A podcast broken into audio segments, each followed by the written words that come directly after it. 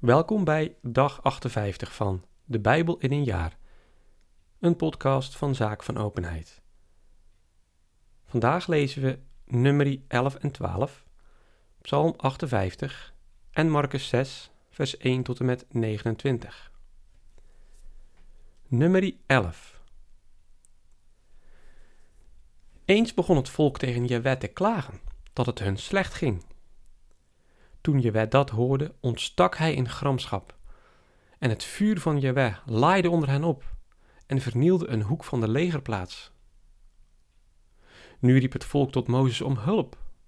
Mozes bad tot Jewe en het vuur doofde uit. Hij noemde die plaats Tabera, omdat het vuur van Jewe onder hen was ontbrand. Een andere keer liet het uitvaagsel dat zich onder hen ophield zich door zijn begeerlijkheid meeslepen, zodat ook de Israëlieten weer begonnen te klagen en zeiden: Gaf men ons maar eens vlees te eten. Wij denken nog terug aan de vis die we in Egypte voor niets konden eten, en aan de augurken, meloenen, prei, uien en knoflook. Nu drogen we uit en krijgen we niets dan dat manna te zien. Het manna leek op korianderzaad en zag eruit als geurige hars. Het volk trok erop uit om het bijeen te rapen, maalde het met de molen of stampte het fijn in de vijzel, kookte het in een pot en maakte er koeken van. En het had de smaak van oliegebak. En wanneer des nachts de dauw op de legerplaats viel, daalde ook het mannen erop neer. Toen Mozes het volk hoorde klagen, het ene gezin na het andere, iedereen bij de ingang van zijn tent, ontstak Jewe in heftige toorn. Maar ook Mozes werd boos en hij sprak tot Jahweh. Waarom doet gij uw dienaar dit leed aan? En vind ik zo weinig genade in uw ogen, dat gij mij de last van heel dit volk maar laat torsen? Heb ik al dat volk soms ontvangen of gebaard, dat gij tegen mij zegt? Draag het in uw schoot, zoals een verpleegster een zuigeling draagt, naar het land dat gij aan hun vaderen onder ede beloofd hebt.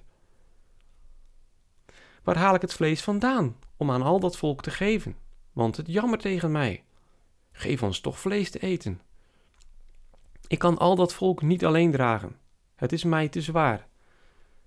Wanneer gij mij zo blijft behandelen, dood mij dan liever, indien ik genade gevonden heb in uw ogen, opdat ik mijn ellende niet langer hoef aan te zien. Toen sprak je wet tot Mozes: Kies mij zeventig mannen uit onder de oudsten van Israël, van wie ge weet dat ze de oudsten van het volk en zijn leiders zijn. Breng ze bij de openbaringstent en dat zij zich daar met u opstellen. Dan zal ik afdalen en daar met u spreken. Ik zal een deel van de geest nemen die op u rust en die over hen uitstorten, zodat zij tezamen met u de last van het volk kunnen dragen en gij die niet alleen hoeft te torsen. En tot het volk moet gij zeggen: Heiligt u voor morgen, dan zult gij vlees eten. Want Jawij heeft u horen klagen. Gaf men ons maar eens vlees te eten, wat hadden we het in Egypte toch goed? Ja, Jawij zal u vlees te eten geven. En ge zult het eten, niet enkel één dag, niet twee, vijf, tien of twintig dagen, maar een hele maand lang, totdat het uw neus uitkomt en gij ervan walgt. Want gij hebt Jaweh veracht die in uw midden woont, en tegen hem durven klagen. Waarom zijn wij uit Egypte getrokken? En Mozes zei: Het volk waaronder ik toef is zeshonderdduizend man sterk. En gij zegt: Ik zal het een maand lang vlees laten eten. Kunnen er voor hen genoeg schapen en runderen worden geslacht? Of als men alle vissen uit de zee voor hen ving, zou dat genoeg voor hen zijn? Jaweh gaf Mozes ten antwoord. Is Jawes hand soms te kort? Nu zult gij zien of mijn woord uitkomt of niet. Toen trad Mozes naar buiten en deelde het volk mee wat Jaweh gezegd had. Hij koos zeventig mannen uit onder de oudsten van het volk en stelde ze op rond de tent. Nu daalde Jaweh neer in de wolk en sprak tot hem. En hij nam een deel van de geest die op Mozes rustte en stortte die uit over de zeventig oudsten. Zodra de geest op hen rustte, profeteerden zij en hielden niet op. Nu waren er twee van die mannen in de legerplaats achtergebleven. De een heette Eldad, de ander Medad. Daar ze waren opgetekend, rustte de geest ook op hen. En ofschoon ze niet naar de tent waren gegaan, profeteerden ze toch in de legerplaats. Een knaap ging het eilings aan Mozes berichten en zeide: Eldad en Medad zijn in de legerplaats aan het profeteren. En Jozua, de zoon van Noen, die Mozes van zijn jeugd af gediend had, drong aan. Mozes, mijn meester, belet het hun. Maar Mozes gaf hem ten antwoord.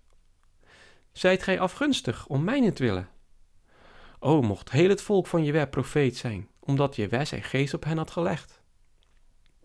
Daarna trok Mozes zich met de oudsten van Israël in het legerkamp terug. Daarop zond Jewe een wind die uit de zee kwartels aanvoerde en ze twee ellen boven de grond over de legerplaats joeg en rondom de legerplaats een dagreis ver naar alle kanten. En het volk bleef heel die dag en die nacht en nog heel de volgende dag in de weer om de kwartels te vangen. Die het minst ving, had nog tien gomer. Zij spreidden ze wijd rond de legerplaats uit. Maar nog was het vlees onverteerd tussen hun tanden, of daar barstte Jewes gramschap los tegen het volk, en richtte Jewe een grote slachting onder hen aan. Daarom noemde men die plaats Kibrot Hatawa, want men begroef daar het volk dat gulzig was geweest. Van Kibrot Hatawa trok het volk naar Gasserot op, en het bleef te Gasserot. Nummerie 12 eens maakten Mirjam en Aaron Mozes een verwijt over zijn Cushitische vrouw die hij zich had genomen, want hij had een vrouw uit Cush gehuwd. Zij zeiden, heeft Jewe soms alleen tot Mozes gesproken? Heeft hij ook niet tot ons gesproken? Ja, wij hoorden het. En daar Mozes een zeer deemoedig man was, meer dan iemand ter wereld, sprak Jewe ogenblikkelijk tot Mozes, Aaron en Mirjam. Gaat met uw drieën naar de openbaringstent. En zij gingen er met hun drieën heen. Toen daalde Jewe in de wolkolom neer en ging bij de ingang van de tent staan. En hij riep Aaron en Mirjam, die toen beiden naar voren waren getreden. En hij sprak: Hoort mijn woord. Zo er een profeet onder u is, openbaar ik mij aan hem in een visioen en spreek tot hem in een droom. Zo niet met Mozes, mijn dienaar, die getrouw is bevonden in heel mijn huis. Tot hem spreek ik van mond tot mond, niet in visioenen en raadsels. Hij aanschouwt Jaweh in eigen persoon. Waarom vreest ge dan niet, mijn dienaar Mozes verwijten te doen?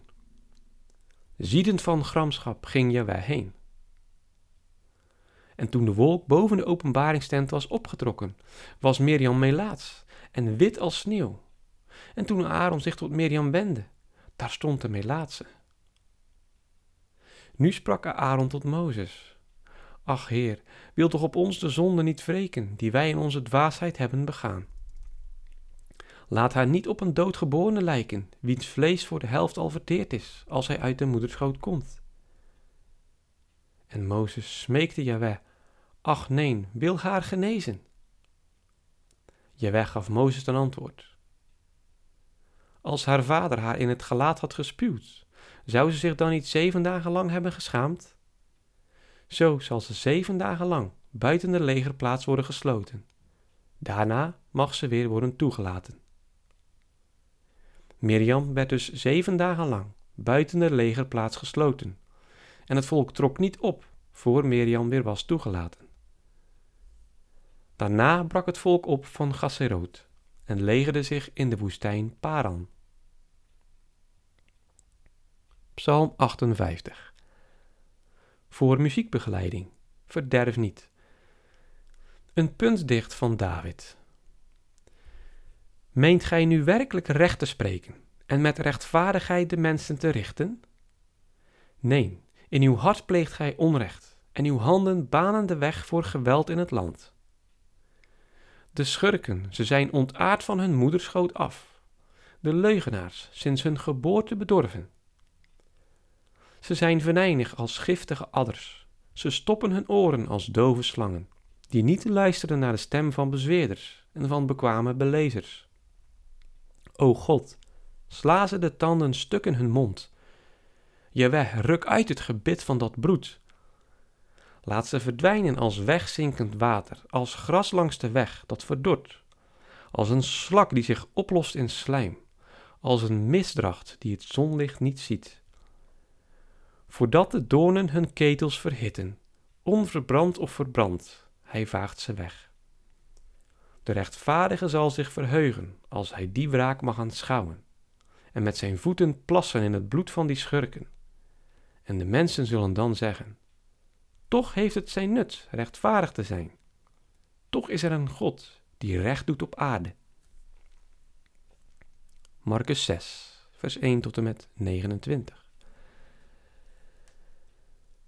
Hij vertrok vandaar en ging naar zijn vaderstad, en zijn leerlingen volgden hem.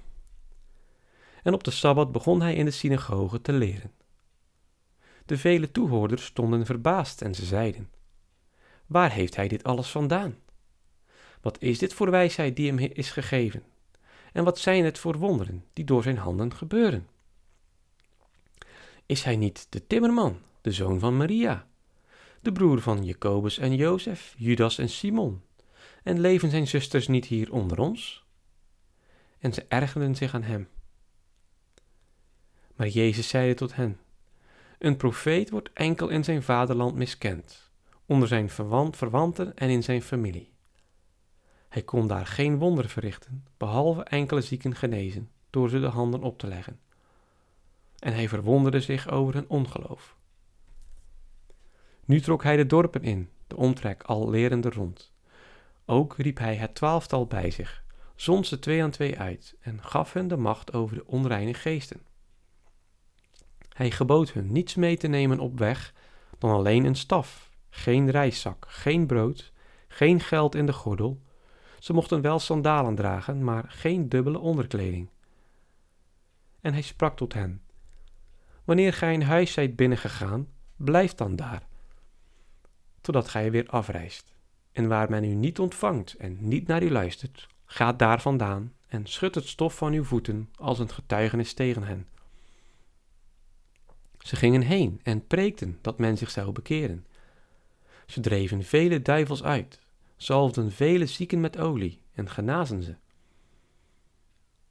Ook koning Herodes hoorde van hem, want zijn naam werd beroemd. Men zeide: Johannes de Doper is van de doden opgestaan, daarom werken die krachten in hem. Anderen zeiden: Het is Elias. Anderen weer: Hij is een gewone profeet. Maar toen Herodes het hoorde, zeide hij: Het is Johannes, die ik onthoofd heb. Hij is verrezen.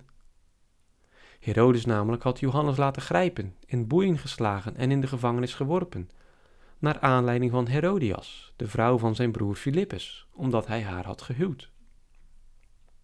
Want Johannes had tot Herodes gezegd: Ge moogt de vrouw van uw broer niet hebben. Herodias was hem dus vijandig gezind en wilde hem doden, maar het lukte haar niet. Want Herodes had ontzag voor Johannes, daar hij wist dat hij een rechtvaardig en heilig man was, en hij beschermde hem.